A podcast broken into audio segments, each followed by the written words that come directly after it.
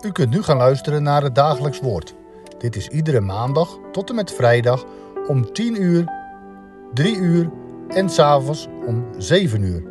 Deze meditatie wordt verzorgd door dominee Jongeneel.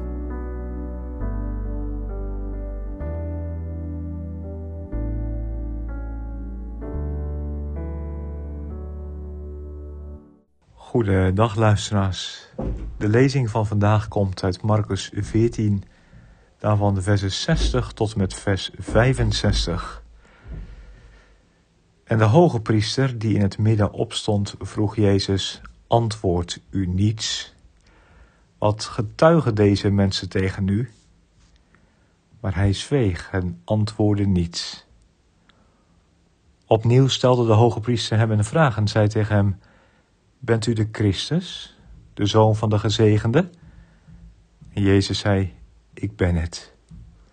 En u zult de Zoon des Mensen zien zitten aan de rechterhand van de kracht van God en zien komen met de wolken van de hemel.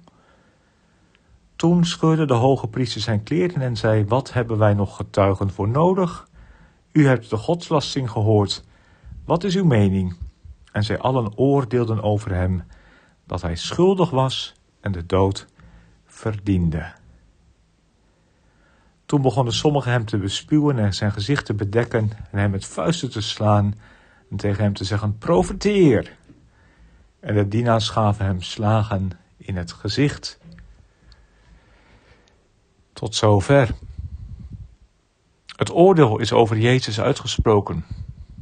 Schuldig, aan godslastering, doodschuldig. En nu, nu spuugt men hem in het gezicht. Men laat merken hem intens te verachten, de grootste afschuw voor hem te hebben. Ze spugen op hem. En over zijn gezicht glijden de klodders van speeksel en slijm. Zijn gezicht wordt bevuild met de smerigheid van mensen. En alsof dat nog niet genoeg is, bedekt men ook zijn gezicht. Men blinddoekt hem, zodat hij niets meer kan zien alsof men zijn ogen het zwijgen op wil leggen, alsof ze zijn ogen niet meer willen zien en hem blind willen maken. En dan, dan begint men met vuisten te slaan. Een regen van vuisten daalt op hem neer. Het regent vuisten in zijn gezicht. Hoe gemeen, hoe lachhartig, wat een lafaards. Een geblinddoekt iemand slaan. Hier wordt niet alleen een, man, een mens te schande gezet, maar ook mishandeld. En dat bij Jezus. Wat heeft hij verkeerd gedaan? Waar heeft hij het aan verdiend? Nooit, nooit heb ik hem met een gebalde vuist gezien. Nooit gebruikte hij geweld. Hier komt het donkerste en het slechtste van de mens naar buiten. Willens en wetens de ander letsel toebrengen, beschadigen, pijn doen, de machteloze, de onschuldige, zelfs Jezus Christus slachtoffer maken van blinde haat en laffe kracht. En terwijl het slagen regent en Jezus daar geblinddoekt staat, roept er een profeteer. Profeteer ons, Christus, wie is het die u geslagen heeft? Wat een spotters, ze doen er alles aan om Jezus volkomen belachelijk te maken. En ondertussen slaat men maar door, midden in het gezicht. En volgens andere evangelisten slaat men hem op de kaken, kinderbakslagen. Wat moet je er nou van vinden? Van dat spuwen, van dat spotten? Ach, gelden ook hierbij de woorden niet die Jezus zelf insprak toen hij zei: De dingen die uit de mond komen, komen voort uit het hart. En die verontreinigen de mens. Want uit het hart komen voort boze bedenkingen, doodslagen, overspelen, hoererijen, dieverijen, valse getuigenissen, lasteringen. Wat moet je ervan vinden? Ach, is het niet een uiterst beschamende vertoning wat hier gebeurt? Mij lijkt als er één reden heeft om te spuwen van verachting, is het Jezus Christus wel. En als er één reden heeft om een heilige toren de slaande hand op te heffen, is Hij het wel. En als er één reden heeft om de spot met anderen te steken, is deze man het wel. Deze mensen verspelen al hun achting en waardigheid door zo met Jezus om te gaan. En roepen ze niet zelf God slaande hand over zich af, door Jezus Christus van zich af te slaan, met al hun geweld tegen hem, en door hem aan te vallen alsof hij een zware misdadiger is. moet je dan niet vrezen als je zo gedraagt dat de toren van God tegen je ontbrandt. En daarbij maken zij zichzelf niet volkomen bespottelijk door zich zo te gedragen. En door de woorden van Jezus Christus te bestempelen als godslastering. Want wie is er nou zo dwaas om Jezus zo laag neer te zetten? Ja, wat een beschamende vertoning. In wezen zetten deze mensen zichzelf lelijk te kijk. Zeg ik. Maar wie ben ik? Belangrijker is, hoe reageert Jezus dan? Hij reageert niet. Hij geeft geen kik. Hij verroert zich niet. Hij laat zich slachtoffer worden. Hij laat zich mishandelen. Hij laat met zich spotten. Hij verzet zich niet tegen al het geweld. Hij protesteert niet. Hij schreeuwt niet. Hij ondergaat alles, zwijgend. Je zou zeggen hij, die met een enkel woord zieken genas, boze geesten verdreef, mensen achter zich kreeg, de zee tot stilte maande, stormen bedaarde, zelfs doden tot leven riep, en die steeds uit de handen van de mensen wist te blijven. Hij moet toch met een enkel woord die hele Joodse raad, dat hele erin van zich af kunnen schudden, dat ze beschaamd en machteloos achterblijven. Waar is nu zijn macht, zijn kracht? Waarom zegt hij niets? Je zou willen dat hij zich juist nu zou laten kennen, dat hij zich zou bewijzen en dat je dan vol trots zou kunnen zeggen: Kijk, dat is mijn Heere, wie doet hem wat? Maar zoals het nu gaat, ergens begin je te begrijpen dat alle discipelen gevlucht zijn, dat ze Jezus alleen gelaten hebben. Want deze gang van zaken is zo onbegrijpelijk, zo teleurstellend. Al zijn macht lijkt, lijkt weg.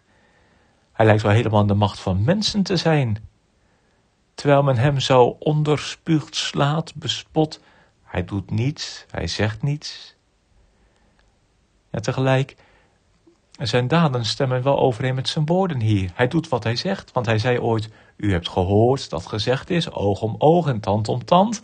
Maar ik zeg u dat u geen weerstand moet bieden aan de boze. Maar wie u op de rechterwang slaat, keer hem ook de andere wang toe. En hij zei ooit: U hebt gehoord dat er gezegd is: U moet uw naaste lief hebben als uzelf. En uw vijand moet u haten.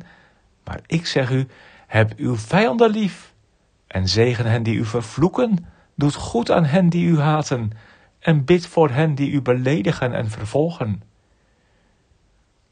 En keer op keer is door de evangelisten benadrukt dat in Jezus uitkomt wat de profeten al voorspeld hebben, zoals Jezaja toen hij zei over de knechtes heren, ik geef mijn rug aan hen die mij slaan, mijn wangen aan hen die mij de baard uitplukken, mijn gezicht verberg ik niet voor smaad en speeksel. En later zal Petrus schrijven: Christus heeft voor ons geleden. Hij die geen zonde gedaan heeft en in wiens mond geen bedrog gevonden is, die toen hij uitgescholden werd niet terugschold, en toen hij leed niet dreigde, maar het overgaf aan hem die rechtvaardig oordeelt. Hij die zelf onze zonde in zijn lichaam gedragen heeft op het hout, opdat wij voor de zonden dood, voor de gerechtigheid leven zouden. Door zijn striemen bent u genezen. En met die woorden van Petrus komt opeens alles heel dichtbij. Want Petrus schrijft voor ons. En hij heeft over onze zonden. Kijk eens goed. Die mensen, die spotten, die spugen, die slaan. Ziet u misschien uzelf ertussen lopen? Waar zijn wij eigenlijk zelf dan mee bezig? Hoe staan we tegenover hem? Hoe gedraag ik mij naar Jezus Christus toe? Hoe is het in mijn leven allemaal gegaan, in woorden, gedachten en daden? Zie ik daar op zijn gezicht nu ook sporen van mijzelf? Klodders van mijn vuil, mijn onreinheid, mijn dwaasheid, mijn spot, mijn smaad, mijn hoon, het braaksel van mijn ziel? O, hoe vaak moet mijn doen en laten voor hem ook niet een slag in het gezicht zijn, hoe vaak probeer ik hem niet te blinddoeken van voor mijn leven, het voor hem verborgen te houden, om maar buiten zijn blikveld te blijven en mijn eigen leven te kunnen leven? O, hij laat het allemaal over zich heen komen.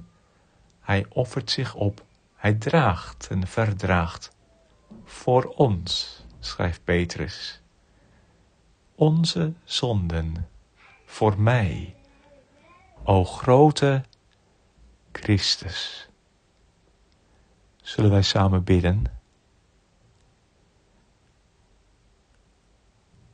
O gij, Jezus, hebt gedragen lasteringen, spot en hoon, zijt gebonden en geslagen, gij, vaders eigen zoon, om van schuld en eeuwig lijden mij, verlorne, te bevrijden. Duizend, duizendmaal, o Heer, zij u daarvoor dank en eer. Dank, mijn heiland, voor uw lijden, voor uw bittere, bange nood, voor uw heilig bidden strijden, voor uw trouw tot in de dood, voor de wonden, u geslagen, voor het kruis, door u gedragen, voor al het heil aan mij geschied, prijst u eeuwiglijk mijn lied. Amen.